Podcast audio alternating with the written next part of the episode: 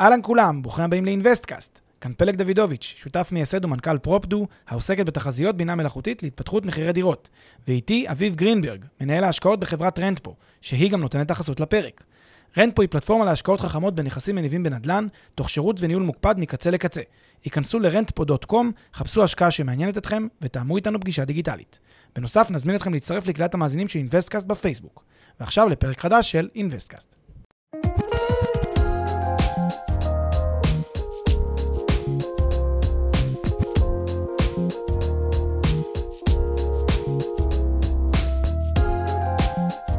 אהלן לכולם, אהלן פלג. היי, אביב, מה העניינים? מעולה, מה המצב? מצוין, מצוין. פרק 154 של אינוויסטקאסט, וואו. מתחילים עכשיו. מה אנחנו מתחילים. הולכים לדבר? על מוכנות לסיכון. זה הולך להיות, אה, אתה יודע, אופן מייק, עוד פעם, פרק מיקרופון פתוח כזה, אה, שיחה על אה, סוגיית הסיכון והמוכנות של אנשים לקחת סיכונים, ואנחנו טיפה נקלף את זה ונדון בזה ונראה. ואנחנו מציעים ככה למאזינים שיושבים שם בצד השני לחשוב שנייה עם עצמם, האם אתם אוהבים סיכון, האם אתם גמבלרים, האם אתם כל ה...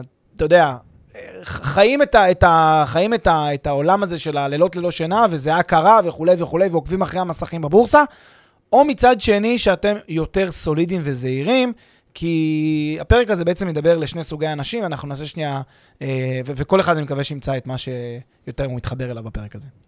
יאללה, לגמרי. בוא נתחיל. נתחיל לפני, אבל אה, נעשה מה כדרכנו בקודש בפרקים האחרונים, זה נציג את עצמנו. אה, דבר, מי אתה, אביב גרינברג? אני אביב גרינברג, אני מוביל את פעילות ההשקעות הנדל"ן של רנטפו. ברנטפו אנחנו עוזרים למשקיעים לייצר אה, צמיחה באמצעות השקעת נדל"ן שעובדת עבורם. עובדת, מנוהלת, הכל אנחנו עושים. איזה יופי, יופי טופי. מי אתה? מי אני? אני פלג דוידוביץ', מנכ"ל ומייסד פרופדו, סטארט-אפ בתחום של מחירי הדירות, בתחום של חיזון מחירי הדירות באמצעות בינה מלאכותית. אנחנו נותנים הערכות לכל אה, אה, דירה בישראל, כל כתובת בישראל. אה, אז אפשר להיכנס, להזמין ממש דוח כזה ולראות אה, על הדירה שמעניינת אתכם. אני גם מרצה להשקעות נדל"ן באוניברסיטת רייכמן. קורס מאוד מעניין וכיפי. וזהו, נתחיל? עכשיו שאנחנו מכירים, עכשיו שאנחנו מכירים. מכירים, נראה לי שדווקא יכול להיות בינינו אחלה דיון. קדימה. בוא נתחיל לדבר על אה, המוכנות לסיכון. נתחיל מהשאלה המתבקשת, כדאי לאנשים לקחת סיכון? זהו, אז, אז באמת, אני חושב שאני רוצה רגע, כל הפרק הזה אנחנו נעשה, מאחר שאתה ואני מחזיקים הרבה פעמים באותה דעה, בהרבה דברים, אה, וזה שונה מהרבה אנשים אחרים, אה, גם בתעשיית הנדל"ן וגם בכלל בהמון תעשיות משיקות, שמחזיקים בדעות שונות. אנחנו רוצים לייצר מצב שבו אנחנו גם מציגים את הקונטרה, מציגים את הדעה השנייה באופן מייק הזה, במיקרופון הפתוח הזה, ולא רק מביאים את הדעה שלנו, שאותה כבר, אני מניח המאזינים חלקם מכירים. אז אתה שואל, האם כדאי לאנשים לקחת סיכון? אז קודם כל, התשובה שלנו, ואתה יודע מה, אני אגיד במשפט, אבל אחר כך אני אחזור לזה גם בהמשך, כי אני רוצה קודם כל להיכנס לקונטרה. התשובה העקרונית שלנו היא שלאנשים כדאי לקחת סיכון אם זה מתאים להם, לא כדאי לקחת סיכון אם זה לא מתאים להם. ומאחר שאני יודע שרוב האנשים הם שונאי סיכון, גם אם הם יגידו ויעידו על עצמם אחרת, רוב האנשים הם במהות שלהם שונאי סיכון, ויש לזה הרבה מאוד הוכחות. אז כדאי לאנשים להימנע מלקיחת סיכונים מיותרים, אלא אם כן הם, אתה יודע, עושים פיזור נכון, עושים פעולות שהן פעולות נבונות, שהם מבינים את הסיכון. כל זמן שהם לא מספיקים מבינים את הסיכון, כדאי להימנע וכדאי ללכת על ההשקעה יותר סולידית. זה קצת יותר מתחים, זה יוצר מתחים כי הרבה אנשים שומעים דברים אחרים, וזה באמת הקונטרה שנדבר. זהו, אבל גם צריך עוד אחרי זה, אולי נדבר על זה עוד מעט, זאת אומרת, מה זה סיכון בכלל, ומה אתה מגדיר כמשהו שהוא מסוכן מעבר למידה, אבל בוא שנייה נשאר כרגע ברף כן. הכללי, ואז אה, נצלול לזה. אתה אומר שהתשובה שאנשים שומעים מהרבה מקומות אה, אחרים לצורך העניין, זה לא התשובה שאנשים שומעים, התשובה... השיח, אוקיי? השיח ש... שנמצא בעולם ההשקעות, שגור. בדיוק, הוא בעד לקיחת. סיכונים. לך על זה. לכי על אה, זה. קחי סיכון. תעיזי. המעז מצליח, המעז מנצח. בדיוק. אני רוצה רגע להגיד את- הנימוק השגור הזה. בסדר, בוא נגיד. שנייה את הנימוק. יש לו היגיון, בסדר? הוא לא נותק מ... אני יכול להבין את זה. אנשים אומרים, תראה, אה, אתה, כאילו, אתה יודע, אתה רוצה אה, להצליח, אתה רוצה להצליח בגדול, אי אפשר להצליח בגדול אם לא תעיז. בסדר, אם לא תיקח סיכון, תעז אגב אומרים. אם לא תעז, לא תצליח, ל... לא תצליח בגדול. עכשיו, אנשים יש להם נטייה, אולי, אתה יודע, איזה קטע כזה, אה, לא יודע, של אנשים שנהיו מודעים פיננסית, יש להם נטייה כאילו לא לראות הצלחה כמשהו שהוא לא בענק. אם לא התעשרתם, לא הצלחתם. כי מודעות פיננסית כאילו כרוכה בה גם, רגע, עכשיו אני אחראי לכסף שלי, אז בוא, בוא נהיה עשירים. זאת אומרת, כאילו ההפך מלהיות מודע, מלא להיות מודע מבחינת הרבה אנשים, זה להיות עשיר.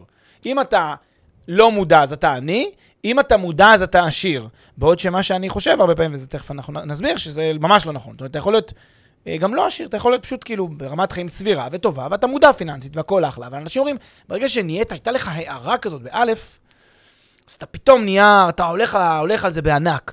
וזה גם מה שהרבה פעמים, אתה יודע, יש את הקשר הזה, הגורדי הזה כמעט, בין עולם הכסף והנדלן והפיננסים וההשקעות, לעולם של mindset ותודעה ו- ותודעת שפע, וכזה להיות עשירים ולהיות מאושרים בעין, כאילו, הכל נורא קשור לאנשים, בעוד שזה ממש לא מחויב המציאות, כאילו, זה ממש מפספס. כן, אני חושב שצריך, אני, אין לי שום, אין לי שום דבר דווקא נגד אה, תודעת שפע ו... וכל מיני, אתה יודע, אה, לא יודע, נקרא לזה מודלים או, או משפטים שעוזרים לאנשים אה, לצורך העניין להיות מודעים יותר ו... ו... ולהגשים את המטרות שלנו. אני חושב שהשלב הראשון הוא. וזה לגמרי פרסונלי, כל אחד צריך לתאם ציפיות עם עצמו ולהגדיר מה זה ההצלחה בשבילו, מה זה השפע בשבילו, כי מה שאני תופס אולי כשפע, בשבילך זה, זה כלום ושום דבר. כן. Uh, ולכן, זה השלב הראשון. אחרי זה, זה באמת אולי לבנות את הדרך להשיג את מה שאני רוצה להגדיר כהצלחה, את אותה הצלחה שלי, איך אני משיג את זה. כן. ומה הסיכונים שכרוכים בזה. בדיוק, אבל, אבל אל תשכח שהטיעון המרכזי שמנחה את הבן אדם, זה אם, או לפחות חלק גדול מהאנשים, וזה במציאות, אם אתה לא מעז, אם אתה לא לוקח את הסיכון, אז אתה, אה, אין לך באמת אה, מודעות, כי סיכון זה הדרך שלך להתעשר בענק.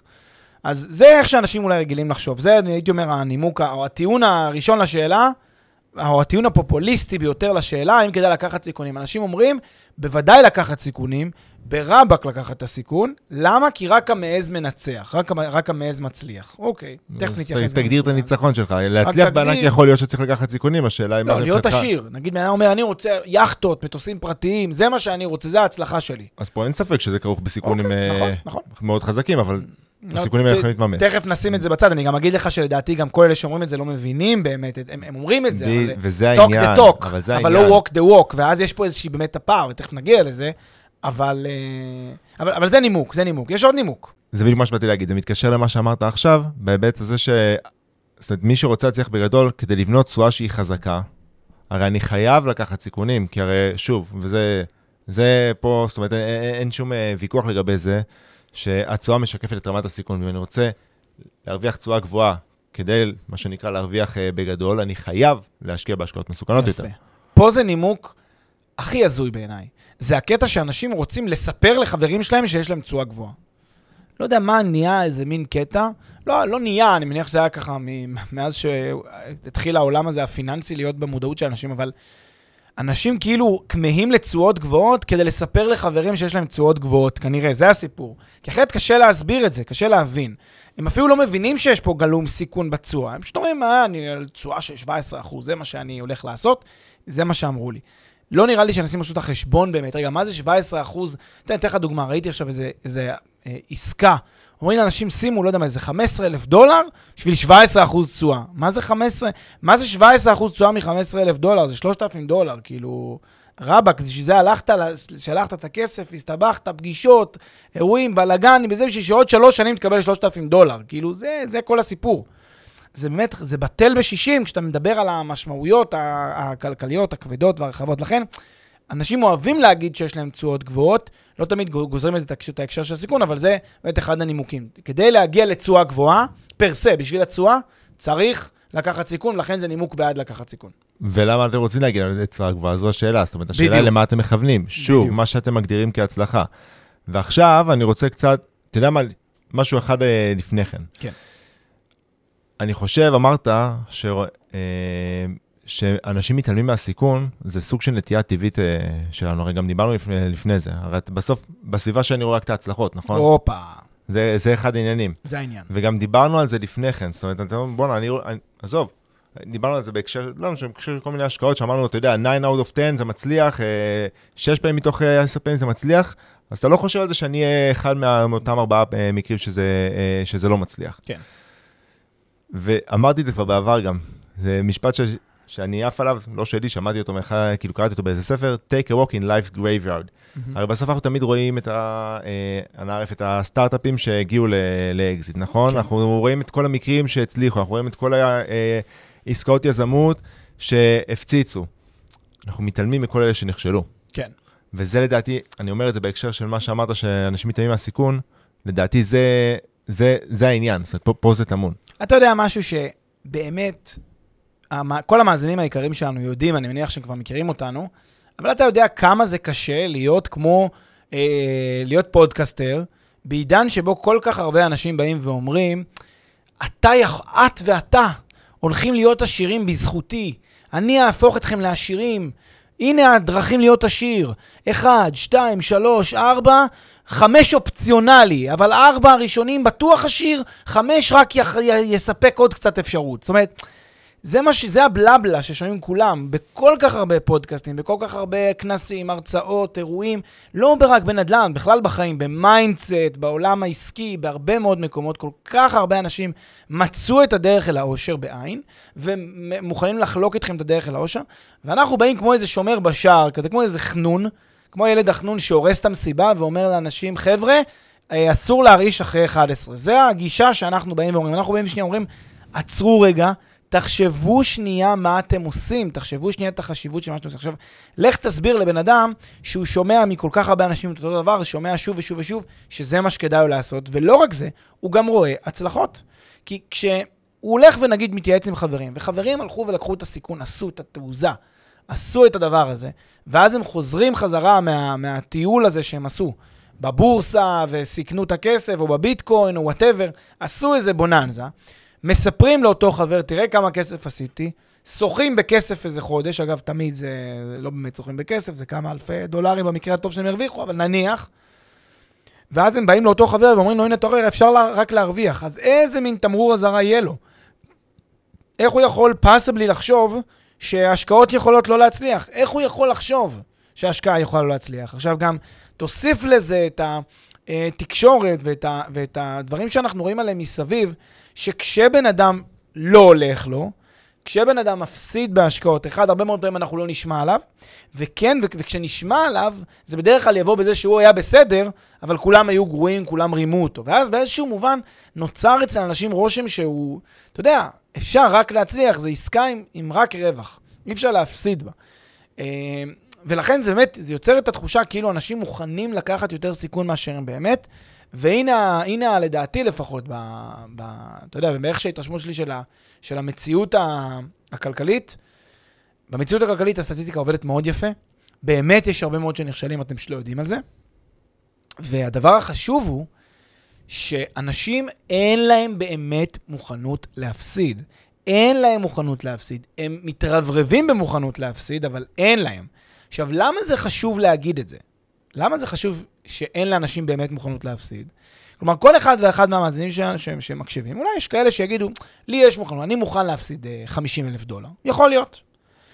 אני מדבר עכשיו על, על, על הקהל הרחב, על הממוצע. בממוצע, המאזין הממוצע, המאזין המ- או המאזינה הממוצעים, יש להם חוסר מוכנות להפסיד את אותם 50 אלף דולר. עכשיו, כשאנחנו משדרים כאן, אתה יודע, מגיעים פה לתפוצה של אלפי ועשרות אלפי אנשים שמאזינים לכל פרק הזה. כשאנחנו מגיעים לכל כך הרבה אנשים ששומעים ונחשפים, אנחנו לא יודעים מי מולנו. האדם הממוצע שמולנו הוא אדם שצריך להסתכל עליו בצורה אה, ממוצעת. צריך להגיד לו את המסר, המסר הבריא והשקול, המסר האחראי, כפי שאנחנו מוצאים אותו. זאת הסיבה שבגללה ללכת ולעשות פודקאסט שהיה אולי מושך, אתה יודע, מושך את העין, מושך את האוזן של אנשים, שאומרים לך, הנה, חמשת הצעדים להתעשר מחר בבוקר. אנחנו לא נעשה את זה, כי אנחנו יודעים את כובד המשקל והאחריות שיש בלהגיד לאנשים המלצות כאלה ולהגיד לאנשים לקחת סיכון. לכן, במהות, ולמרות שיש פה הרבה סיבות טובות לאנשים לקחת סיכון, ולמרות שהמעז מנצח וכל הסיסמאות, בפועל, אה, רוב האנשים שונא סיכון, ואנחנו בעד שאנשים יכירו בזה ולא ייקחו את הסיכון המיותר, לפחות הממוצע. אני אגיד לך איפה אני חייב רק לגדר את מה שאתה אומר. מ- מסכים מאוד עם מה שאתה אומר וגם עם הגישה. אה, לדעתי לקחת את זה קצת לקצה, כדי, מה שנקרא, להעביר את המסר. אני אישית אין לי שום בעיה עם, אה, בטח לא עם mindset, ובטח עם הרבה פודקאסטים שמניעים אנשים להיות יותר מודעים, ואתה יודע, ול- בעצם העיקרון לצאת לדרך ולהשקיע כדי שהכסף לא יעמוד אה, אה, בשבילם וישחק מהאינפלציה. אבל כן, אני מסכים שיש הרבה, הרבה תקשורת, כמו שאתה אומר, בסדר, שמדרבנת אנשים אולי לקחת סיכונים שלא מתאימים להם, לצורך העניין. אה, אבל כן חשוב לי להגיד שאני מאוד מאוד בעד mindset, ואני לא הולך לכיוון הזה.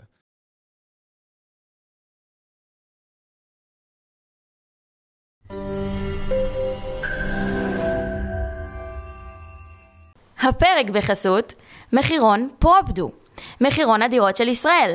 מחירון הדירות המקיף והמתקדם בישראל, המאפשר לכם לגלות בלחיצת כפתור מהו המחיר של הנכס. והכל בחינם. חפשו בגוגל, מחירון פרופדו או מחירון הדירות של ישראל. אז זה היה ככה בגדול, ועוד, אתה יודע, לגבי הנושא בגדול, כן. מה שהיה חסר זה באמת מה שאמרתי, בואו בוא ניתן פה איזה שהן דוגמאות. אז נכון, אמרנו שכל אחד צריך להגדיר לעצמו בעצם מה, מהי אותה הצלחה.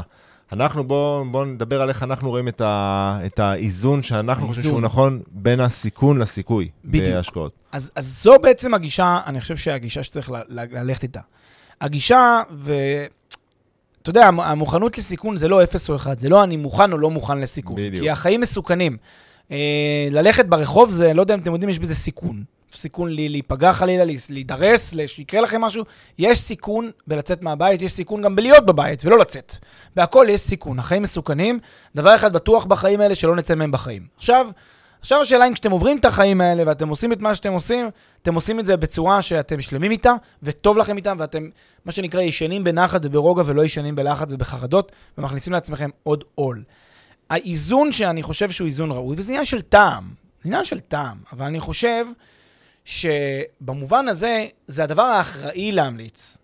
כמה קל לי להמליץ לאנשים, כמה קל, אתה יודע כמה הזדמנויות השקעה התגלגלו לפתחי.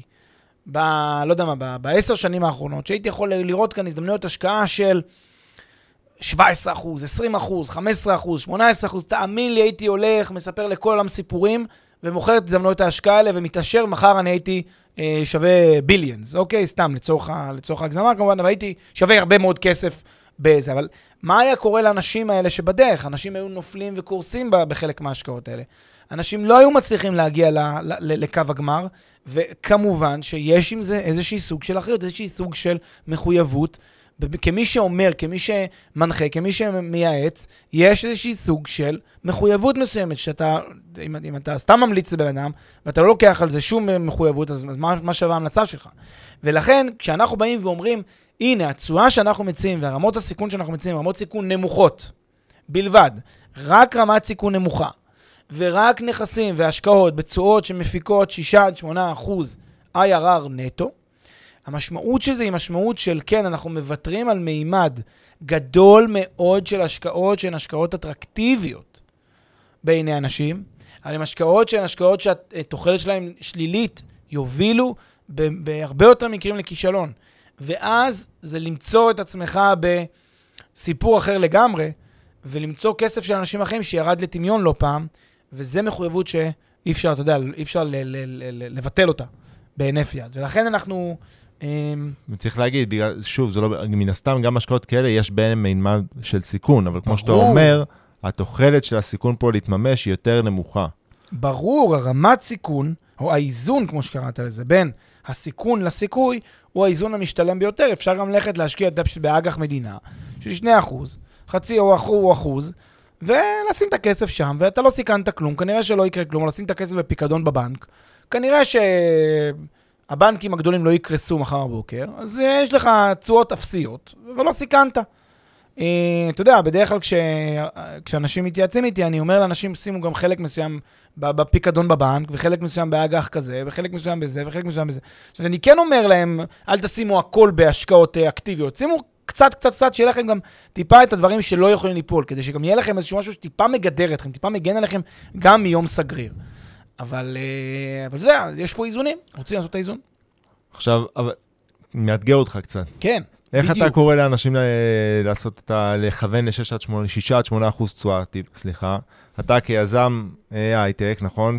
שהקים סטארט-אפ בעולם שהוא כל כך מסוכן, כן. ושכנראה יש לך גם השקעות שהן לא רק עונות לכאילו ל- בדיוק לנתון הזה, זאת אומרת, מה לצורך העניין שונה בך מאשר מישהו אחר? מצוין, זו שאלה פנטסטית. והאמת שאין שום דבר שונה ממני מאף אחד אחר, אלא ההבדל היחיד הוא שאני לוקח סיכון מודע, ויודע מה, מה אני רוצה לעשות ומה אני רוצה להשיג, וזה כבר עניין של טעם ועניין אישי.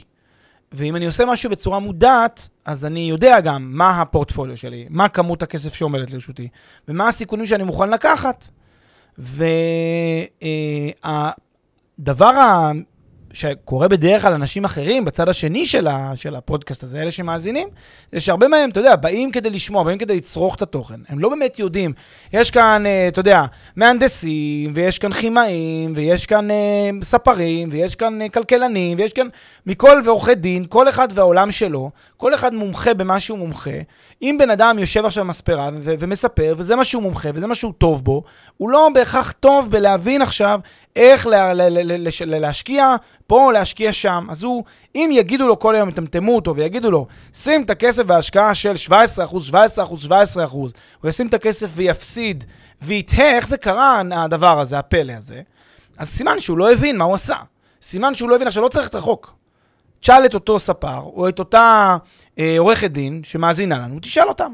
הם השקיעו, נגיד, השקעת עכשיו בליברפול, השקעת עכשיו בג'רזי, השקעת עכשיו באילת, תשאל את האנשים האלה, ספר לי, נא בני, על ההשקעה שלך בג'רזי. מה? ספר לי. עכשיו, אתה תראה שאותו בן אדם, אה, יגיד לך, אה, אה, קנינו איזה משהו, לא יודע, בזה, לא רחוק מניו יורק, לא רחוק מ... הוא לא ידע להגיד לך יותר מחמש, חמישה משפטים על ההשקעה.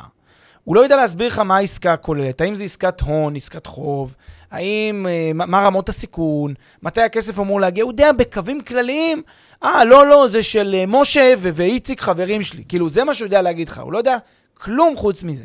ואז אתה, אתה מבין שזה ההבדל הגדול בין בן אדם שמבין מה הוא עושה, או לפחות חושב שהוא מבין, אבל לא משנה, הוא עדיין לא, לא מקבל החלטה על בסיס שיקול דעת.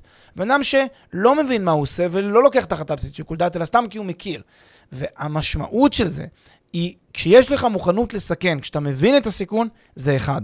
כשיש לך מוכנות לסכן, כשאתה לא מבין את הסיכון, זה אחר, וגם לדעתי אין לך גם מוכנות לסכן, שזה פעמיים, אה, כאילו לאותו בן אדם אין גם אפילו מוכנות לסכן. כאילו פעמיים זה, הוא גם לא מבין מה הוא עושה, וגם אין לו באמת מוכנות לסכן.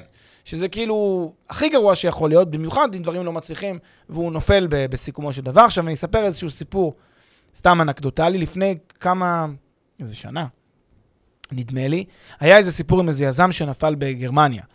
יזם ישראלי, היו, היו לו כמה מאות אם לא אלפי קונים, אה, סיפור uh, שהגיע לכותרות כמובן, והיו לו המון קונים, ובמקרה פנו אליי קבוצה של כמה קונים. פנו, דיברו איתי, בלי קשר לכלום, איכשהו הגיעו אליי דרך איזה מישהו. פנו אליי באותו מקרה והתייעצו איתי מה לעשות.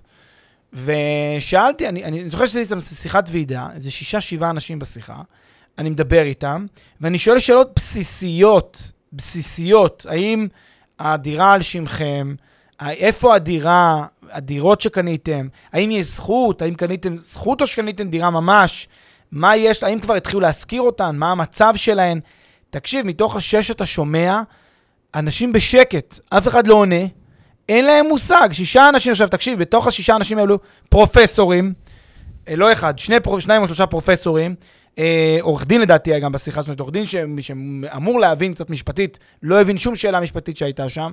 אנשים שהם אנשים שמבינים עניין, שהם נבונים ואינטליגנטים ואינטלקטואלים, הכל טוב ויפה, לא ידעו לענות על שתי שאלות בסיסיות ביותר אפילו, שלא נדבר על השאלות המורכבות יותר שאלתי, מהעסקה הזאת. עכשיו, מה, מה, אתה, מה אתה לומד מזה? שאיך הם, והם היו עמומים שהעסקה נפלה.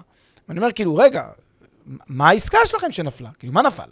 תסבירו. אבל זה נושא אחר לחלוטין, זאת אומרת, אני מוכן לקבל, לצורך העניין, אה, המאזינים שלנו, הקהילה שלנו, בסדר? אני מוכן לקבל את זה ש, אה, שמשקיעים מהקהילה שלנו יטעו לגבי רמות הסיכון שהם לוקחים, אתה יודע, ו- וילמדו, נלמד מהדרך, כן? כי בסוף זה דרך, וצריך, אנחנו מדייקים את עצמנו אה, לפי, בהתאם להתנסויות שלנו, כן? טעויות שעשינו והצלחות שהיו לנו.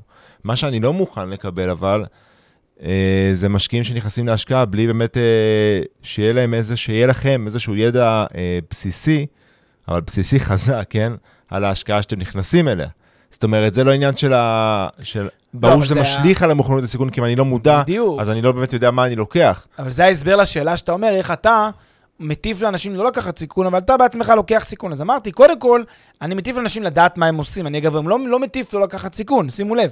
אמרתי גם בתחילת הפרק, שאני לא מטיף לא לקחת סיכון. אני אומר, קחו סיכון אם אתם מוכנים לקחת אותו. אל תיקחו אם אתם לא מוכנים, אבל מאחר שאני לא יודע מול מי אני עומד, ומי המאזין שמולי והמאזינה שמולי, כי אני לא, אתה יודע, לא יודע מה, מה, כל אחד, מה, מה האופי שלו, מה הטבע שלו, כשאני מדבר למאזין הממוצע, למאזין הממוצע, לקיחת סיכונים זו שגיאה. לקיחת סיכונים זו החלטה לא נכונה. וזו הסיבה. עכשיו, כל אחד שיש את ההתאמות, ואתה יודע, את האיזונים, האם אני יותר יזם או יזמת בנשמה, יותר לוקחים סיכונים, ומוכנים להבין את זה, ולומדים ולוקחים את זה ברצינות, ואז כדאי שאני אקח השקעה של... בגלל זה, אתה יודע, זה, זה אולי הדבר המצחיק פה. בגלל זה הרבה פעמים אנשים באים, אומרים לי, גם איזה מישהו כתב לי לפני כמה זמן, תקשיב, אני לא מבין למה אתה אומר אה, שזה שאני משקיע במולטי פמילי בארצות הברית זה רע. אמרתי לו, תגיד, אני לא, בחיים לא אמרתי דבר כזה. או זה שאתה אומר לי ל- ל- ל- ל- להשקיע בזה, אז זה רע. אני אומר לו, בחיים לא אמרתי למישהו שמשהו טוב או רע, הפוך. אני אומר שכל השקעה היא טובה אם אתה מבין בדיוק. מה אתה עושה. לא יכול להיות משהו לא נכון במה שאנחנו אומרים. אין משהו, לא, כי אני לא אומר שום דבר שהוא קונקלוסיבי. אנחנו אומרים דברים שמבוססים על זה שלפני שמחליטים, חושבים ומנתחים, ואז מחליטים. אין פה שום דבר לא נכון בדבר הזה. אמרנו את זה הרבה פעמים, אל ת... זאת אומרת, כל עוד אתם מבינים שאתם נכנסים להשקעה שהיא יותר מסוכנת, זה לא משנה עכשיו איזה, איזה סוג השקעה זה, זה הדוגמה מה שאמרת, כל עוד יש כמה סנט, אני אומר, סבבה, זה השקעה שיותר מסוכנת, אני מבין שיש פה יותר סיכוי שאני אאבד את הכסף הזה או את חלקו, ואתם באמת מפנימים את זה, אז הכל טוב, וזה מה שאמרת, שאתה אמרת על השקעה, על השקעה במולטי פמילי הזאתי לצורך העניין, אבל יש גם הרבה השקעות אחרות, בסדר? אה, שאנחנו אומרים את זה תמיד, שהבעיה היא זה באמת חוסר מודעות. כאן תמונה הבעיה. זאת אומרת, אנשים, לצורך, נדל"ן זה דוגמה קלאסית, כי אנשים משקיעים בהשקעות נדל"ן שהן יותר מסוכנות, זאת אומרת, סוג מסוים של השקעות נדל"ן שהן טיפה יותר מסוכנות, ואיפשהו קצת משקרים לעצמם, או בונים את השקר שהסביבה משקרת, שזה בסדר, זה נדל"ן, זה סולידי. ואני תמיד אומר, שכמו שהשקעה בשוק ההון יכולה להיות מאוד סולידית, תלוי איזה סוג של השקעה, ככה גם השקעה בנדל"ן יכולה להיות מאוד תנודתית ומאוד מסוכנת. ממש כך. פשוט צריך לבחון את, ה, את, את, סוג, את סוג ההשקעה. סליחה, היא לא יכולה להיות תנודתית בהכרח, אבל כן מאוד מסוכנת. תיקון קטן. גם עכשיו, יכולה להיות תנודתית אגב, אבל, אה, אבל זורם איתך. נכון, האמת היא, כן.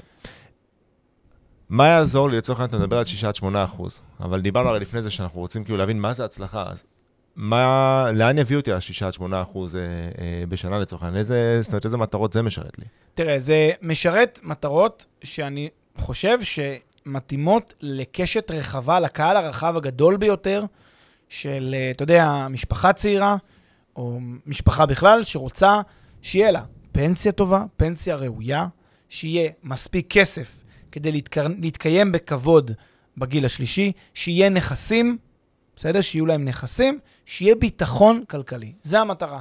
זה מביא אתכם לרמה של ביטחון כלכלי, לא פחות, אם עובדים על ה-6 עד 8 אחוז. זה לא מביא אתכם, however, לאושר, בעין, למטוסים פרטיים וליאכטות. זה יש שתי אפשרויות. הנה אני אגלה סוד קטן. אם אתם רוצים מטוסים פרטיים ויאכטות, יש שתי אפשרויות. אחת, תתפטרו מהעבודה. תקימו עסק, אולי בתחום ההייטק, אולי בתחום אחר, בתחום ההון סיכון. תעשו עבודה מאוד מאוד קשה של חמש שנים. הסיכוי שלכם הוא אחד מעשר בערך, אולי 15 מ-100, לא משנה. אחד מעשר זה פחות או יותר ממוצע. שתצליחו ראונד אחרי ראונד אחרי ראונד לגייס, ובסיכומו של דבר להגיע למצב שבעוד משהו כמו 15 שנה, או 12 שנה, יהיה לכם 10 מיליון דולר, 15 מיליון דולר נטו. שימו לב, זה אם הצלחתם בצורה מטורפת. 15 מיליון דולר נטו. אם הצלחתם בצורה מסחררת. עכשיו, אם אתם יחידי הסגולה, לא 10 מ-100, 1 מ-100, שהיה לכם מזל מטורף שבמטורפים, רצף אירועים קיצוני שיתממש לטובתכם, תגיעו למצב שאתם לא עם 10 מיליון דולר, אתם עם 100 מיליון דולר. בסדר?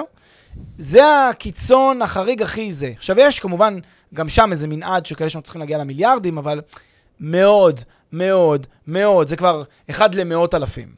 אז אם אנחנו רוצים להבין רגע את הפרופורציות, כדי להגיע למצב שאתם באמת נהיים עשירים, הסיכוי שלכם הוא מאוד מאוד נמוך. שוב, זה לא אומר אל תעשו, אתם יכולים לעשות אם בא לכם לקחת את הסיכון, אבל זה המשמעות. זה עכשיו- מזכיר לי את הפרק שעשינו על איך כביכול, איך מתעשרים אה, מנדל"ן. אתה זוכר? איך מתעשרים מנדל"ן, נכון, אז כן. יש את אותו אחד, יחיד סגולה או. אחת שמצליחים באופן סיסטמטי. אגב, תשים לב, משהו חשוב, אתה יודע, יש הרבה אנשים שמתעשרים לרגע, שהם עשירים, שהם מגיעים, עולים על גל, ואנשים אומרים, זהו, הוא כבר הצליח, זה, הם כבר הצליחו. אתם לא מבינים, זה משהו נמשך. זה נמשך. כמה יזמים וטייקונים גדולים אתם מכירים שנפלו בדרך? כמה אתם מכירים? המון, יותר, יותר, יותר מכירים כאלה שנפלו מאשר שהמשיכו. זאת אומרת, הסיכוי לא נגמר ברגע שעשיתם, אתה יודע, איזה אה, עסקה ענקית, או שכתבו עליכם בעיתון, או שאתם עכשיו אה, הקמתם והנפקתם חברה. זה, זה אולי רק מתחיל שם. היזמים הגדולים שאתם מכירים זה יזמים, הגדולים שנפלו, שאתם מכירים זה יזמים שהמרוץ עוד נמשך הרבה אחרי שאתם שמעתם עליהם כאל מוצלחים גדולים, ואז הם נפלו, אחרי כל הדבר הזה. זאת אומרת, זה מאוד מאוד מאוד קשה להתעשר. יש עוד אפשרות להתעשר. לזכות בלוטו. כן, לזכות באיזה מצנח, איזה דודה שנפטרה, שהורישה לכם שבע דירות במנהטן. אתם עשירים, מזל טוב. אבל אם זה לא זה ולא זה, אז, אז אני מציע את האפשרות היותר סבירה, והיא ללכת על המסלול צמיחה האיטי, אבל היותר בטוח, היותר סביר. שהוא מה, זה אומר שהוא יאפשר לי בעצם ליהנות מפירות ההשקעה שלי, מה, רק בפנסיה? תלוי, תלוי איך בונים את זה. אבל כעיקרון, במודל של IRR אתה צריך להיות אדיש.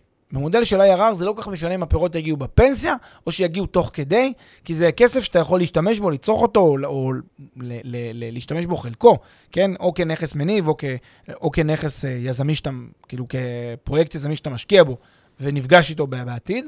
זה לא כל כך משנה איך, אבל אתה תיפגש עם סכום כסף שיעמיד אותך ברווחה, רווחה טובה, אם תעשה- תשקיע אותו נכון, אם תשקיע אותו בצורה נבונה. כי זה לדעתי הדאגה של הרבה מהאנשים, שהם אומרים, עם תשואה כזו, טוב, אנשים לא רואים באולפן, אבל אני עושה כביכול, כן? מירכאות. ו- אה, נמוכה לצורך העניין, אתה יודע, בהשוואה להשקעות שהן פשוט אנשים עיוורים לעובדה שהן מסוכנות, איך אנחנו יכולים אה, לה- להעלות את רמת החיים שלנו כבר עכשיו, או כבר מעוד חמש, שש, שבע, שמונה שנים שלנו ושל הילדים שלנו. עכשיו, לא עזוב, בסדר, לא הולך לקיצון שאתה תמיד אוהב ללכת, עזוב מטוסים, זה- עזוב, זה אי אפשר, העצמת איכות החיים שלנו, שאתה לעבור לחו"ל.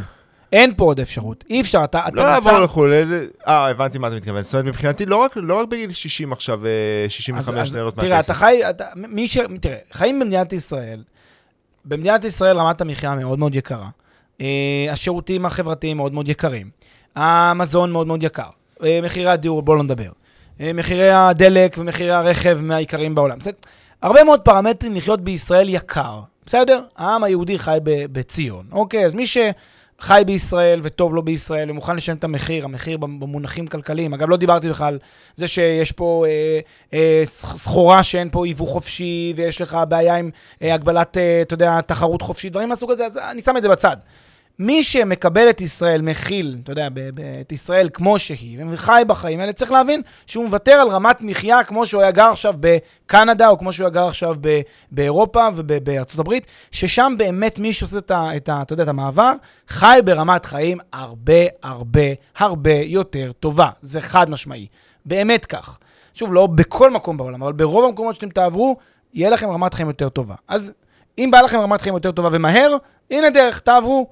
לא קורה לעשות את זה, זה לא דבר אה, נכון, או כן דבר נכון, כל אחד עושה את השיקולים שלו, אבל להגיד שרוצים כאן ועכשיו רמת חיים יותר גבוהה, כמו קסם, זה מאוד מאוד לא פשוט. ולא כמו קסם, עוד חמש, שבע. עשר שנים. אם הולכים למסלול של לבנות את זה לטווח ארוך, צריך להבין שזה עוד אחד מהדברים שאנחנו עכשיו עושים כשאנחנו בונים לטווח ארוך. זה לא משהו שאתם אתם, אה, אתם תראו את הפירות שלו באופן מיידי. אני אתן אולי דוגמה. אתה יודע, דוגמה מאוד יפה. אפ- אפקט הריבית דריבית. אפקט הריבית דריבית, אבל אתה. גם תראה אותו בעתיד. אתה לא רואה אותו. מיד, אני אגיד לך משהו, דוגמה מאוד מאוד חשובה, כי זה מאוד מאוד מתכתב. אתה יודע, יש את הנושא של נגיד אה, תזונה וכושר ובריאות בכלל. כשאנחנו שומעים על תזונה, למה הרבה אנשים עושים את זה? גם בגלל שאתה יודע, שלא רוצים, אתה יודע, בסוף, אה, סליחה על הביטוי צרבת בזה, ו- ולא להצליח להירדם כי, כי כואבת לי, זה- איזה כואב לי הראש. נכון, גם בשוטף. אבל הרבה אנשים מבינים שספורט ותזונה ו- וכושר ואורח חיים בריא שומר לא על היום, כי ביומיום, כשהם בגיל, איזה גיל שלא נמצאים, 20, 30, 40, 50, כנראה, 60, הם כנראה ב- ב- ב- ב- עדיין בשיא כוחם, אוקיי? מתי חשוב לך יהיה לדאוג לבריאות שלך הכי הרבה? דווקא כשאתה תגיע לגיל הפרישה, ומאוחר יותר, שם אתה תיזכר באותם שנים שהיית יכול לנהוג אחרת, היית יכול לחסוך פה וללכת יותר פה ולעשות יותר ספורט פה. אז אתה היום מראש צופה את זה, זה די אותו דבר, אתה היום מראש משקיע בעצמך, בשביל שבעתיד יהיו לך עוד תקופה, תוחלת חיים יותר טובה בגיל השני, בלי כאבים, בלי לסבול, בלי, אתה יודע, חלילה אה, שלא עלינו שיהיה לנו צרות. עכשיו, נכון, המשמעות של זה, זה פוגע לך ברמת החיים היום, כי אה, אתה מעדיף, מה לעשות, לאכול, אה, סליחה על הפרסומת, טפוצ'יפס מול הספה, אתה מעדיף. מי לא מעדיף? אבל עדיין, אתה מבין שאם אתה תעשה את זה כל היום, אתה גם תפגע לעצמך בזה, וגם תפגע, תפגע בבריאות, ותיצור לעצמך נזקים בטווח הרחוק, אתה לא תראה אותם מיד. זה די אותו דבר, גם בהשקעות של 6-8 אחוז, אתה עובד היום, משקיע היום כסף, לא כדי ליהנות ממנו מיד, אתה תוכל פה ושם ליהנות ממנו קצת. אבל אתה בעיקר תהנה ממנו ברגע שתצטרך אותו הכי הרבה, שזה בקצה, בתהליך, בסוף. שם יהיה לך מה שיאפשר לך ליהנות ממנו, ו... ולכן זה משהו שאני חושב שהוא מאוד, אה, מאוד משמעותי. וכמו שאמרנו גם הרבה פעמים, אם, אם הצורך שלכם זה לשפר רמת חיים בצורה של כי אתם שונאים את החיים שלכם, בגלל מקום עבודה למשל, תחליפו מקום עבודה. לא. אבל זה בעיה אחרת. לא, אתה תמיד לוקח דברים לקצה. אני מתכוון, לצורך העניין, תא משפחתי עכשיו צעיר, אתה יודע, שבונה משפחה, ורוצה להבטיח איכות חיים טובה למשפחה שלו, גם אם עכשיו, אה, אתה יודע, שני אנשי קריירה לצורך העניין, גם אם אה, יהיה איזשהו ברקס בקריירה, גם אם יהיה איזשהו, אתה מבין? משהו שיתמוך להם ב- ברמת חיים שלהם עכשיו. כן. גם אם, גם אם הש- השכר חודשי, ברור שלא אם הוא נעלם לחלוטין, אבל גם אם הוא נפגע לאיזו תקופה מסוימת. זה לדעתי העניין. כן. ולדעתי, אה, לדעתי, מה שאתה לא אמרת, למרות שאני מאוד מאוד מאמין בו, זה שהמודל הזה יכול ליישם את זה. הוא יכול ליישם את זה בגלל האפקט ריבית. נכון שאם אתה אומר לי עכשיו אני מתחיל להשקיע ועוד חצי שנה אני צריך את הכסף, או עוד שנתיים אני צריך את הכסף, זה בעיה. אבל לצורך העניין, בגלל שהאפקט ריבית דריבית בעצם הולך ומעצים את הקרן הרי מדי שנה ומדי שנה את סך ההשקעות שלכם, כל עוד הכל הולך בסדר וברמות תשואה כאלה, שוב, הסיכויים יותר גבוהים שילך בסדר מאשר הסיכון שלא ילך בסדר. אמ, אז אתה מייצר לעצמך עוגה מספיק גדולה כדי שתוכל לנגוס במהלך הדרך אם תצטרך. אני חושב שזה הביטח, הביטחון שה, אה, שהמודל הזה יודע לייצר כבר הרבה לפני הפנסיה. זאת אומרת, כבר מאוד, לצורך מי שמתחיל עכשיו, כבר מאוד כמה שנים. אה, מאוד מאוד רלוונטי ל, ל, למשפחה צעירה. לדעתי, או לאנשים צעירים, לאו דווקא משפחה. אה, זה, זה, זה, זה הבגדול. עכשיו, נראה לי שדי כבר אמרנו את זה, אבל איזה ככה יהיה טוב אה, לעטוף את זה עם השאלה הזאתי. מה אנחנו מפספסים אז באותן השקעות ש... שקורצות לנו? אנחנו, אה, שתי בעיות. אחת, אובר אופטימיות שלי זה לא יקרה. שתיים, אה, חוסר הפנמה שאנחנו בעצם שונאי סיכון. חוסר, חוסר הפנמה. אנחנו לא מאמינים, אנחנו חושבים שאנחנו גמבלרים, אבל אנחנו בעצם שונאי סיכון. ואתם צריכים לחשוב על עצמכם, כאילו, תחשבו על הרגע הזה, חלילה שאיבדתם אה, 100 אלף דולר שעבדתם עליהם עכשיו, אה, אתה יודע, לא, לחסוך 100 אלף דולר פה בישראל, במציאות ישראל, זה מאוד מאוד קשה. תחשבו שעבדתם שנתיים כדי לחסוך את ה-100 אלף דולר האלה, בוא נגיד. שנתיים, לא יותר אפילו, לחסוך את ה... אפילו יותר כמובן, כדי לחסוך 100 אלף דולר, תחשבו את, ה, אה, את אה, שברון הלב שאתם תחשב, תח, תחוו. זה מה שאתם צריכים לראות. כאילו, כשאנשים, אה, אתה יודע, אנשים יכולים לצאת מדעתם, ואגב, אתן אולי דוגמה למשהו שהוא היה בתקשורת, בכותרות לפני כמה שבועות, מקרה מזעזע, מזעזע. אה, לא, לא, לא אכנס תמיד על הפרטים, זה גם בחקירות משטרה וכולי וכולי, אבל בן אדם שככל הנראה אפילו עשה את המעשה הנורא מכל בגלל שהוא הפסיד כסף. ואני, ואני לא ארחיב כי זה, שוב, תחת אה, חקירות ואנחנו לא יודעים, הכל לכאורה. אז בוא נגיד זה ככה, זה, זה מסוג הדברים שקשים מאוד לאנשים, והאתגר הוא מאוד מאוד קשה, ולכן כשאנשים חושבים ש... לכן כשאני רואה אנשים לוקחים את הסיכון, כשאני רואה אנשים שמים את ה-100 אלף דולר, או כשאני שומע, דיברתי עם אותה שישה קבוצה, קבוצה של שישה אנשים שדיברו איתי, וראיתי את התסכול שיש להם בקול, אמרתי לעצמי, זה לא, לא הטבע של הדברים, הם לא הבינו שהם עושים את זה, הם לא הבינו את המשמעות של מה שהם עושים, והם היו, הם פשוט אה, נסחפו אחרי בן אדם ש, שסחף אותם. זה הכל. ואני רוצה גם להוסיף את זה עוד איזה נקודה, שאתה יודע, ככה עולה בין הדברים שאנחנו מעלים, אה, זה שסיכון זה זה, זה, זה מורכב, כן? צריך לדעת להתמודד עם סיכון וכולי, לא כל אחד צריך לקחת את הסיכון, הכל ברור ונאמר כבר. אבל הדבר, אני חושב שהמאזין שעכשיו מאזין לנו, המאזינה שמאזינה לנו, צריכים בעצם לקחת איתם מהפרק הזה, זה לא שהגענו לאיזושהי תקרת זכוכית בהכרח, ולהגיד, אוקיי, אז אני לא בשבילי סיכונים, כי זה מה שהם אמרו, קחו 6 עד 8 אחוז, זה לא בשבילי סיכונים, ואז אני מרימה ידיים ואני אומרת, זהו, לא בשבילי. די, הם, הם מבינים, אני לא מבינה כלום. לא. מה שאנחנו מנסים להגיד, זה ככה, זה שיש פה שני אפיקים, שני מסלולים, שתי דרכים שאתם יכולים לקחת שני שבילים. שביל אחד זה השביל הארוך והמייגע שבו אתם לומדים, מתמקצעים, ממשיכים להאזין לנו, לפודקאסט שלנו, ו- ו- ונהנים ממנו, ו- וכמובן לפודקאסטים אחרים, ולומדים, ומעשירים את הידע שלכם בכמה שיותר כלים שיעזרו לכם. ובתהליך הזה אתם לומדים, ומנסים, ונכשלים קצת, ומצליחים קצת, ונכשלים עוד פעם, ומצליחים עוד שבע פעמים, עד שאתם מגיעים לנחלה שלכם ומביאים את התשואה שהיא תשואת מחוז חפצם, אה, מחוז חפצכם, ועושים את הכי טוב שאתם יודעים לעשות על הכסף שלכם. וזה מסלול שהוא מסלול של ללמוד, מסלול שמחייב אתכם ללמוד ולהתמקצע, ולהגיע לרמות הכי גבוהות שאפשר. ותאמינו לי, זה, כל אחד יכול, כי נדל"ן באמת זה לא עכשיו התורה מזה, אפשר להצליח ללמוד אה, בכלי בצורה סבירה, גם אם אתם לא עושים את זה. הצורה שמספיקה למשקיע פסיבי. כן, בצורה שמספיקה לכם, לפי הצרכים שלכם, בצורה שמספיקה למשקיע פסיבי, והצורה שמתאימה לצרכים שלכם. אז זה המסלול הראשון. המסלול השני, זה המסלול שאם תרצה לאותם אנשים שלא מעוניינים, לא יכולים, לא מסוגלים, לא רוצים ללמוד, ואין להם את המוכנות לזה. ובין אם הם, אה, אתה יודע, זה מורכב לי, זה קשה לי, אין לי כוח, אני עוסק בעולם שלי, לא צריך את זה, לא צריך את הללמוד הזה. מה אתם עכשיו מלמדים? אנשים כאלה צריכים להבין, אה, אין, אתה יודע, פטור בלא כלום אי אפשר. אתה לא יכול גם מצד אחד להגיד, אני לא לומד ולא רוצה ללמוד, מצד שני להגיד, אני אלך להשקעה שהיא מסוכנת, ואני... מצד שלישי, אני לא, לא מוכן לשאת בסיכון. מצד שלישי, אני לא מוכן לשאת בסיכון. אי אפשר. אז תבחרו את, ה, את המיקום שלכם. אם אתם בצד הזה, בשביל הזה שהלכתם של אי הלמידה, כאן באמת מאוד מאוד חשוב להיצמד לתשואות הסולידיות ביותר והנמוכות ביותר שדיברנו עליהן. כאן כדאי להיצמד ב- ביתר סט. ומאחר שאנחנו הרבה פעמים רואים את המאזינים שלנו ופוגשים אותם, מדברים איתם, ואנחנו יודעים ממולנו, הרבה פעמים אנחנו רואים אנשים שהם לומדים ומתמקצעים, אבל גם לא פעם אנחנו רואים אנשים שלא לומדים ולא מקצועיים. אז, אז הפרק הזה, כל אחד שיקח אותו לכיוון שלו, ובוודאי ובוודאי שלא ללכת עכשיו בהכרח לאחד השבילים האלה בלי להבין שנייה, רגע, מי אני?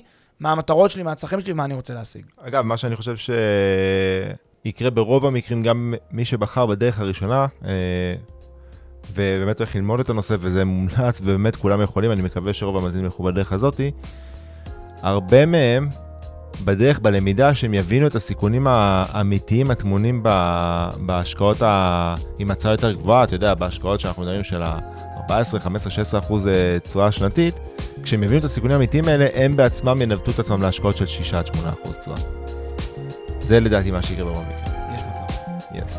תודה רבה. תודה רבה רבה. חברים, נתראה בפרק הבא. ביי ביי.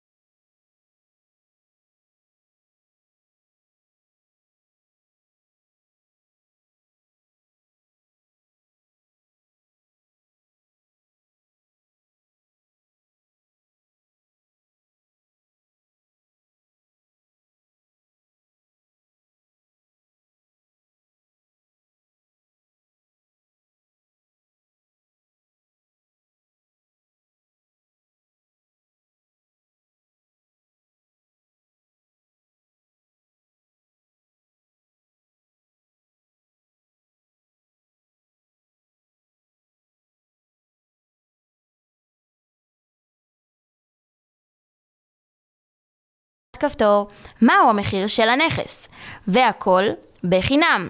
חפשו בגוגל מחירון פרופדו או מחירון הדירות של ישראל.